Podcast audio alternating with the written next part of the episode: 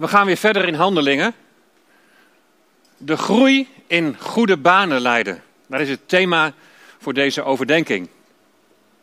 En ik ga met jullie lezen Handelingen 11 vanaf vers 19.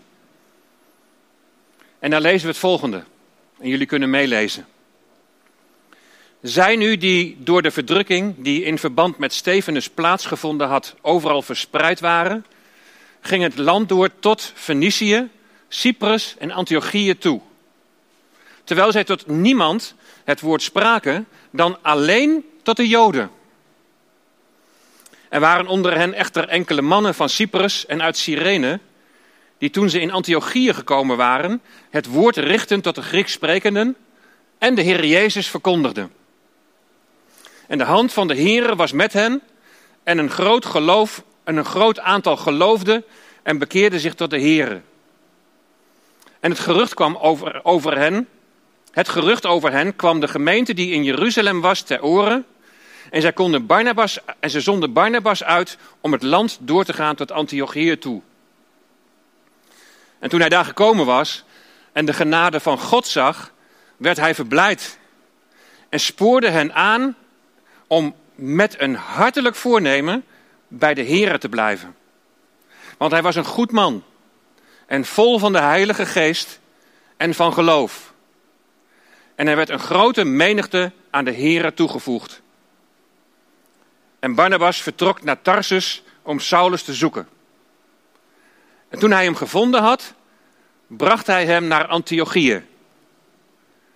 En het gebeurde dat zij een heel jaar met de gemeente samenkwamen en een grote menigte onderwezen. En dat de discipelen voor het eerst in Antiochië christenen genoemd werden. Tot zover de schriftlezing. Zalig zijn zij die het woord van God horen, maar het ook het verlangen hebben om vanuit dat woord te leven. Het is voorjaarsvakantie. En normaal gesproken is er dan een grote exodus, een grote uittocht van Nederlanders naar de Alpenlanden voor de wintersport, om te gaan skiën. Vanaf de middelbare school, ik was een jaar of dertien, ging ik met mijn ouders jaarlijks naar Brixen im Taal in Oostenrijk. En samen met mijn zus ging ik dan naar de skischule, naar de skischool. Als je voor het eerst gaat skiën, dan moet je dat eerst even, ja natuurlijk beginnen in zo'n beginnersgroep. Het jaar erna toen vroegen ze van, heb je vaker geskiet? Ja, vorig jaar, een hele week. Dan mag je eventjes een klein stukje voorskiën en dan word je ingedeeld in de groep die bij jou past. Je gaat dan eerst op een piste die niet al te steil is. Maar na een paar jaar maakt de hoogte niet meer uit en ook niet hoe steil het is. Er is dus sprake van ontwikkeling en groei. Een prachtig gezicht. De skileraar in zijn rode pak voorop en wij met z'n allen als leerlingen in een grote sliert erachteraan. Ik had nog niet eens zo vaak geskiet. Ik dacht dat het het derde jaar was. En toen werd ik ingedeeld in de superklasse. Zo noemden ze dat. Hartstikke trots natuurlijk, maar tegelijkertijd ook wel heel zenuwachtig. Van, van kan ik dit wel aan? Nou, het was verschrikkelijk. Wat een snelheid. Ik bleef maar een beetje achterin hangen om, om een beetje mijn eigen tempo te kunnen bepalen. En na een dag had ik het wel bekeken. Ik zeg, ik wil uh, overplaatsing. En bij de nieuwe groep had ik al vrij snel in de gaten dat ik niet achteraan moest blijven hangen. Maar dat ik zo dicht mogelijk bij de skileraar in de buurt moest zijn. Want dan kon ik in zijn spoor gaan en dan kon ik precies zien wat hij deed. De bewegingen die hij maakte. Hoe hij zijn lichaam hield en, en waar hij de stok in de sneeuw prikte. Nou, dat ging een heel stuk beter. Als ik weer thuis kwam, was ik helemaal enthousiast over het skiën. Iedereen moest het horen. Ik zei tegen iedereen, dat moet je gaan doen. Dat is zo geweldig. Ik zou er de zomervakantie wel voor op willen geven. En dan keken ze je aan. ze hadden het nog nooit meegemaakt. Maar de zomervakantie er voor opgeven, dat nooit. Je merkte ook wel wat jaloezie. Als je op school kwam met je bruine hoofd zo naar de vakantie. Zes jaar geleden waren we op een verjaardagsfeest van een oude schoolvriendin van ons. En daar was ook nog een andere oud klasgenoot die we ja, sinds de school niet meer hadden gezien. Wat dacht je, wat ze als een van de eerste dingen zei? Ze zei, ik weet nog Bert dat jij als een van de weinigen op school op wintersport ging. En dan kwam je hartstikke bruin weer terug. En dan deed je ook nog expres een licht overhemd aan. Nou, het was, het was inderdaad zo. Walgelijk natuurlijk. Dat ze na 35 jaar dat als eerste herinnert. Waarom dit hele verhaal? Nou, als ik het Bijbelboek Handelingen zo doorlees, dan zie ik dat heel sterk de nadruk ligt op de verbreiding van het evangelie. Zij die tot geloof komen, die gaan aan anderen de Heer Jezus verkondigen. En steeds meer mensen komen tot geloof. Op de Pinksterdag 3000 zielen op één dag. En dat loopt uit naar 5000 Joden en Jodengenoten. In hoofdstuk 2 hebben we gelezen: De Heere voegde dagelijks mensen die zalig werden, die gered werden, aan de gemeente toe. Dagelijks. Hoofdstuk 6, vers 7 van Handelingen. En het woord van God verbreidde zich en het aantal discipelen in Jeruzalem nam sterk toe. En een grote menigte priesters werd aan het geloof gehoorzaam. Nadat Stefanus is gestenigd, verspreidden deze discipelen zich over de dorpen van Judea om het woord te verkondigen. Judea, daar blijft het niet bij. De apostelen in Jeruzalem horen op een gegeven moment dat Samaria het woord heeft aangenomen. Saulus heeft een ontmoeting met de Heer Jezus en hij wordt een uitverkoren werktuig in zijn hand. En dan lezen we in Handelingen 9, vers 31, de gemeenten dan in heel Judea, Galilea en Samaria, die hadden vrede en ze werden opgebouwd. En ze wandelden in de vrezen des Heren en de vertroosting door de Heilige Geest en namen in aantal toe. In hoofdstuk 10 verbreidt het evangelie zich naar de heidenen. En vorige keer hebben we gelezen over de bekering van Cornelius. In handelingen ligt dus heel sterk de nadruk op de verkondiging en de verbreiding van het evangelie. Iedereen moet het horen. Zoals ik vond dat iedereen moest horen hoe geweldig mijn wintersport was geweest, zo waren die eerste gelovigen vol vuur om te vertellen over hun geloof in de Heer Jezus. En zo probeerden ze mensen tot jaloersheid te wekken. Op een positievere manier dan ik deed met mijn bruine hoofd en mijn lichte overhemd. Maar het principe is wel vergelijkbaar. Dat er een verlangen in harten van mensen gaat ontstaan van dat wat hij heeft, dat wil ik ook.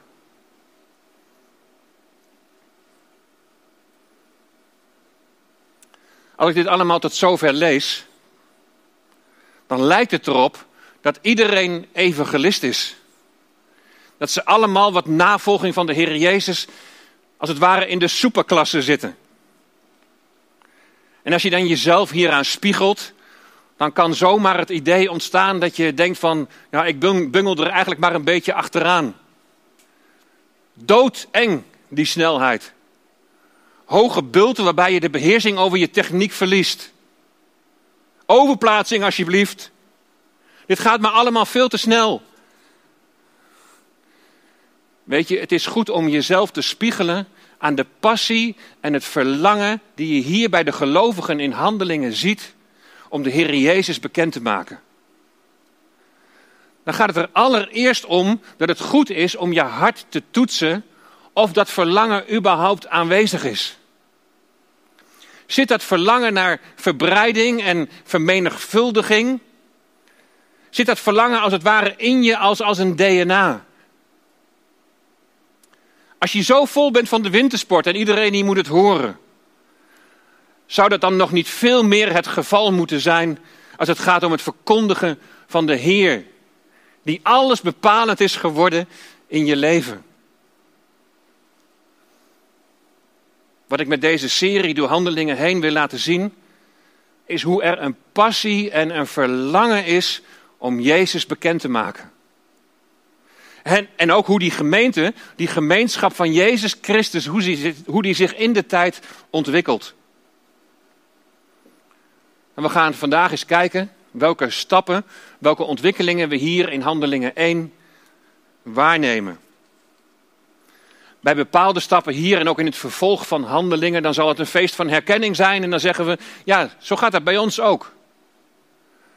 Maar we zullen gaandeweg ongetwijfeld ook ontdekken dat er bepaalde dingen zijn waar wij weinig of geen oog voor hebben. Of dat je moet constateren dat er misschien toch wel iets van een stukje scheefgroei is ontstaan. Dan laten we vanmorgen kijken wat hier gebeurt. Na de steniging van Stefanus verspreiden de gelovigen zich omdat zij vervolgd worden. We hebben al eerder gezien dat ze zich verspreiden naar de dorpen van Judea en vervolgens naar Samaria. Maar hier zien we dat ze ook verder trekken. Ze gingen het land door tot Fenicië. Dat is het kustgebied ten noorden van Israël, het huidige Libanon. En het is dan niet alleen maar een kwestie van je veilig verborgen houden. Nee, het evangelie wordt verkondigd en er worden gemeenten gesticht. Ze gingen naar Cyprus. Dat kennen we wel, het eiland in de Middellandse Zee. Ik schat zo'n 300 eh, kilometer uit de kust bij Libanon. Ze gingen naar Antiochië. En Antiochië ligt zo'n 700 kilometer boven Jeruzalem. Het was in die tijd de hoofdstad van Syrië. En na Rome en Alexandrië de derde stad van het Romeinse Rijk. Een grote wereldstad. Grieks sprekende Joden in Jeruzalem, die waren van geboorte afkomstig uit deze streken en keerden nu dus daarheen terug. Toen ze in Antiochië kwamen, toen verkondigden ze alleen maar het woord aan de Joden. Het kwam niet bij hen op om het evangelie aan de heidenen te verkondigen. Waarschijnlijk om dezelfde reden dat Petrus in eerste instantie er niet over nadacht om bij een heiden als Cornelius binnen te stappen. Een Jood gaat niet om met een onreine heiden. Maar dan zijn er enkele mannen uit Cyprus en Cyrene. Cyrene was Noord-Afrikaans gebied. Ligt een beetje in het tegenwoordige Tunesië. En bij Cyprioten en Cyreniërs, dan moet je denken aan Joden uit de verstrooiing die zich in Jeruzalem hadden gevestigd, daar ook hun eigen synagoge hadden, waar Grieks werd gesproken. En zij richten zich in Antiochië tot de Grieks sprekende. En ze verkondigen de Heer Jezus. Mensen die zo ver van Israël gewoond hebben, die gaan misschien wat makkelijker om met niet-Joden. Of ze hebben gehoord van Petrus, die bij Cornelius is geweest.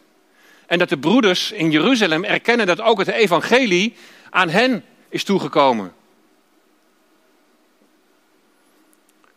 Ook hier in Antiochië is er groei in aantal. En we hebben dat gelezen in vers 21. En de hand van de Heere was met hen. En een groot aantal geloofde en bekeerde zich tot de Heere. Als je nou voor jezelf het idee hebt dat je een beetje achteraan bungelt, neem dan als eerste gedachte mee dat het Gods werk is. En natuurlijk is het belangrijk dat verbreiding van het evangelie, dat het een hartsverlangen is.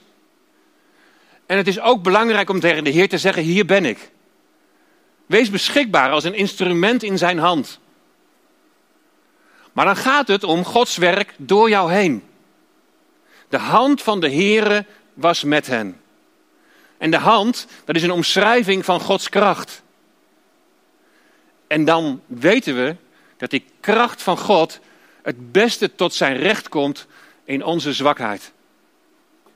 Gods kracht komt het beste tot zijn recht in mensen die in afhankelijkheid van Hem willen leven.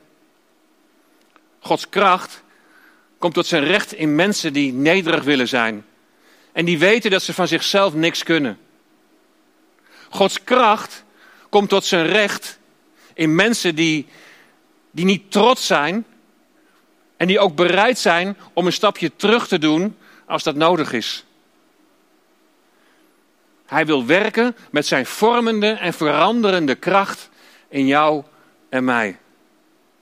En of je nu op de beginnershelling staat of de zwarte piste, als zijn hand op je is, dan gaat hij door je heen werken en maakt hij jou tot een getuige voor hem. op jouw manier en in de fase waarin jij je bevindt. En de hand van de Heere was met hen, met de verkondigers. En een groot aantal geloofden en bekeerden zich tot de Heere. Het is een zegen als zoveel mensen zich bekeren. Een explosieve groei. Maar hoe ga je dan vervolgens die groei in goede banen leiden? Hebben we een idee wat er dan allemaal komt kijken? Nou, je hebt allereerst alleen maar een crash nodig. Want de nieuwe gelovigen zijn allemaal baby's. Baby's in het geloof. Help, wat moet er gebeuren? We kunnen die baby's toch niet zomaar aan hun lot overlaten? Tijdens ons eerste jaar skiën moest de skileraar ons eerst leren om in de, in de lift staande te blijven.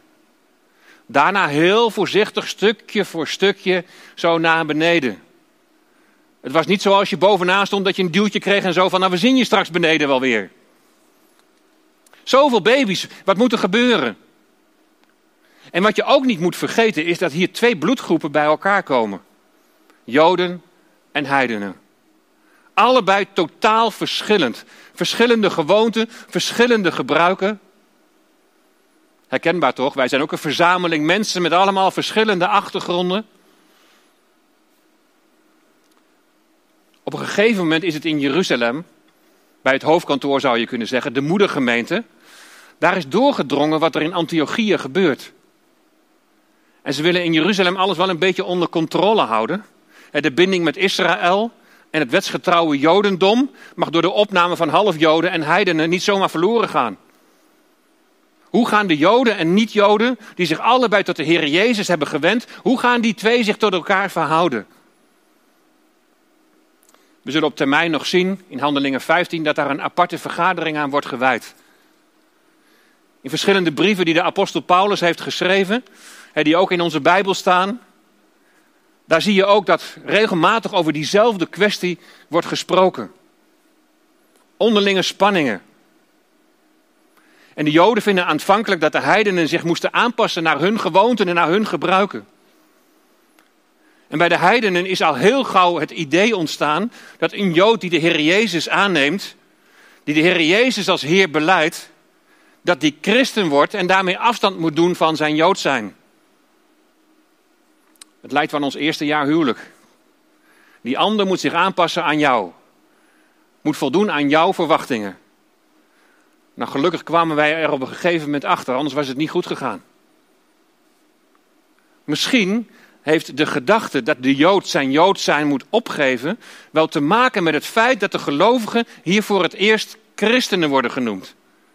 Dus redeneert men, je bent nu christen en dus geen Jood meer. Maar klopt dat wel? Door wie worden de gelovigen hier christen genoemd? Noemen zij zichzelf zo? Zeggen de Joden die tot geloof zijn gekomen, wij zijn nu christen? Zeggen de heidenen die tot geloof zijn gekomen, wij zijn nu christen? Ik geloof er niks van. Als Paulus later brieven schrijft, dan is de aanhef nooit aan de christenen van Efeze of aan de christenen van Korinthe. Nee, dan heeft hij het over aan de heiligen van. Aan diegenen die apart gezet zijn in hem. Ze worden door de ongelovigen zo genoemd. Christenen. Christianoi, dat betekent aanhangers van Christus. En let op, dit is interessant. Twee zeer oude handschriften, daar staat niet Christianoi, maar Christianoi. De i en de e, die werden in het Grieks van die tijd werden hetzelfde uitgesproken. En de naam Christos betekent onder andere de brave. Dus Christianoi krijgt dan de betekenis van braverikken, heilige boontjes. Zo wordt de spot gedreven met deze bekeerlingen. Zie ze toch eens, die heilige boontjes, die braverikken, die met de leuke dingen van het leven niet meer meedoen. Deze spot en deze verachting past ook helemaal bij het vervolg in Handelingen 12. Als Jacobus wordt onthoofd, Petrus gevangen wordt gezet. De Jood en de Heiden worden niet christen. Zij wenden zich beiden tot Jezus de Messias en beleiden Hem als Heer. En de Jood blijft Jood en de Syriër blijft Syriër en de Nederlander blijft Nederlander. Een explosieve groei. En hoe ga je dat nou in goede banen leiden? Baby's en dan ook nog twee bloedgroepen bij elkaar. Vanuit Jeruzalem wordt Barnabas gestuurd. Hij moet maar eens polshoogte gaan nemen. Hij is zelf afkomstig uit Cyprus, dus hij spreekt Grieks. Hij is een Leviet.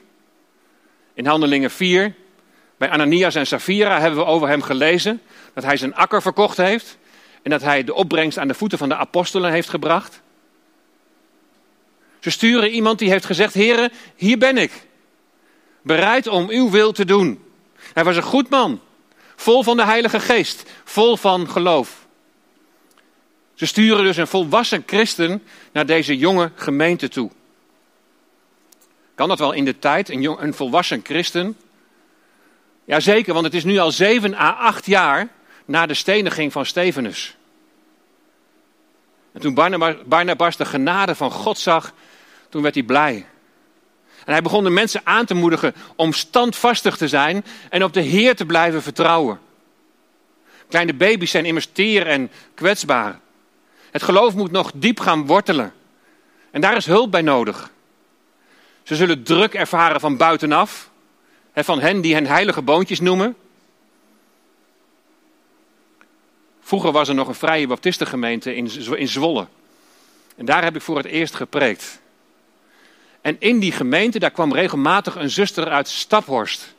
En je herkende haar direct aan haar eh, klededracht. En als je zo naar haar keek, dan, dan straalde ze. Ze ging haar leven lang al naar de kerk. Maar ze was tot levend geloof gekomen. En in Staphorst werd ze toen vrome geestje genoemd. Christianoi, heilig boontje. De baby's in Antiochië moeten leren in die bespottingen vast te houden aan hun geloof. Aan hun geloof en vertrouwen in de Heer Jezus. Ze zullen ook druk ervaren van buitenaf. Die verbinding tussen Jood en Heide gaat ook niet zonder slag of stoot. Kortom, een geweldige explosieve groei, maar ook tegelijkertijd genoeg zorg. Hoe ga je dat in goede banen leiden? Barnabas die wordt, dus, die wordt dan gestuurd vanuit Jeruzalem op polshoogte te nemen. En zijn naam, Barnabas, betekent zoon der vertroosting. Zoon der bemoediging. Een pastorale benadering is zeker nodig. De levens van deze jonge gelovigen, die staat op hun kop. En het is nodig dat ze worden bemoedigd. En Barnabas die bemoedigt ze. En hij spoort ze aan om er een hartsbesluit van te maken om bij de Heer Jezus te blijven en in Hem te geloven en Hem te dienen. Maar dan vertrekt Barnabas. Hij gaat naar Tarsus om Saulus op te zoeken. Tarsus ligt weer zo'n 250 kilometer ten westen van Antiochië. Saulus heeft na zijn bekering al heel wat omzwervingen gemaakt. Het is nu dus inmiddels zo'n 7 à 8 jaar later na zijn bekering. Er staat niets over de reden van zijn bezoek, alleen dat hij, dat hij hem naar Antiochië brengt. Barnabas heeft hem daar blijkbaar nodig. En Barnabas en Saulus, die blijven daar een heel jaar komen. En met de gemeente samen. En ze onderwijzen daar een hele grote menigte. Dat lijkt me een mooie combi. Barnabas, de herder, de zoon der vertroosting, de zoon der bemoediging en Saulus de leraar. Weet je wat ik nou zo jammer vind? Dat hier bij Handelingen 11 geen bijlage zit met wat zij nou allemaal hebben onderwezen in dat jaar. Daar zou ik nou zo benieuwd naar zijn. En ze hadden nog geen Nieuwe Testament. De brief van Jacobus is net geschreven. Die van Judas is net in de pen. Maar de rest van de brieven worden pas later in de loop van handelingen door Paulus geschreven. Het is dus gissen. Maar ze zullen zich ongetwijfeld hebben gebaseerd op de Tenach, op het Oude Testament. Zullen ze net als bij de Heer Jezus, bij de Emmausgangers, hebben laten zien wat in het Oude Testament op hem betrekking heeft? En als ik naar de stijl van Paulus' brieven kijk, dan ben ik ervan overtuigd dat hij ook ja, aandacht heeft gehad voor een theoretische uitzetting van het geloof, om dat vervolgens gepaard te laten gaan met het praktische gedeelte, het praktische onderwijs dat gericht is op de wandel van de gelovigen. Als jij je bekeerd hebt tot de Heer Jezus, hoe ga je je dan verhouden tot deze wereld? Wat is dan precies je opdracht? Waar ben je toe geroepen als volgeling van de Heer Jezus? Wat betekent het om de gezindheid van Christus aan te nemen? Het is nederigheid dat de spanning tussen Jood en Heide kan wegnemen. God openbaart aan Paulus hoe het nou zit met die verhouding tussen Jood en Heiden. En het wordt in de Bijbel een mysterie, een geheimenis genoemd. Je kunt dat uitgebreid lezen in de brief die Paulus heeft geschreven aan de Efeziërs. Maar die was toen nog niet beschikbaar. En ik weet niet precies wanneer Paulus die openbaring heeft gekregen. Maar het zou natuurlijk zeer goed te pas komen als onderwijs in dat jaar in Antiochië. Dan kan hij tegen de Jood en de Heiden zeggen: Jullie zijn nu samengevoegd in het ene lichaam. En door de geest hebben jullie samen toegang tot de Vader. Een jaar lang. Het zou me niet verbazen als het dagelijks is geweest. Ze onderwijzen een grote menigte. Op de skis willen we ons graag ontwikkelen. En je wilt niet op dat beginnersheuveltje blijven. In het begin vind je het prachtig. En je hebt ook geen weet van wat er meer mogelijk is. Totdat je met de gondel omhoog gaat en je zicht krijgt op een nog veel bredere horizon. En je kunt gaandeweg steeds meer aan. Kijk, en je blijft niet eindeloos naar je ski sturen van, gaan ze niet over elkaar heen? Nee, er komen steeds meer automatismes. Je blijft steeds makkelijker staande. En je valt niet meer zo gemakkelijk. Het is natuurlijk niet optimaal als je dat ieder jaar maar een weekje doet. Als je op school zit, als je een opleiding volgt, dan voelt dit in het begin misschien als een soort van verplichting. Er is immers leerplicht. En je hebt nog niet echt het idee wat zo'n opleiding nu echt voor nut heeft. Maar gaandeweg ga je ontdekken dat je het nodig hebt als fundament om straks goed te kunnen functioneren in een baan. En je gaat iedere dag naar school. Je krijgt iedere dag les, iedere dag onderwijs. Hoe is het bij jou gegaan toen je tot geloof kwam? Een jaar lang dagelijks onderwijs van Barnabas en Saulus? Zou je dat graag willen? Misschien zeg je dan, maar kijk eens naar mijn agenda. Ja, maar even, even los daarvan. Ervaar je bij jezelf het verlangen om verder te groeien als volgeling van de Heer Jezus? Een terechte wedervraag is dan, wat bieden jullie dan aan? Weet je, voor jongeren zijn er prachtige tussenjaren. Er ligt hier in de hal, in de kerk liggen folders van de Evangelische Hogeschool, maar ook van Hebron Missie. Jansen, die volgende week komt spreken, die is van Hebron Missie. Als je interesse hebt, kan ik je wel met hem in contact brengen.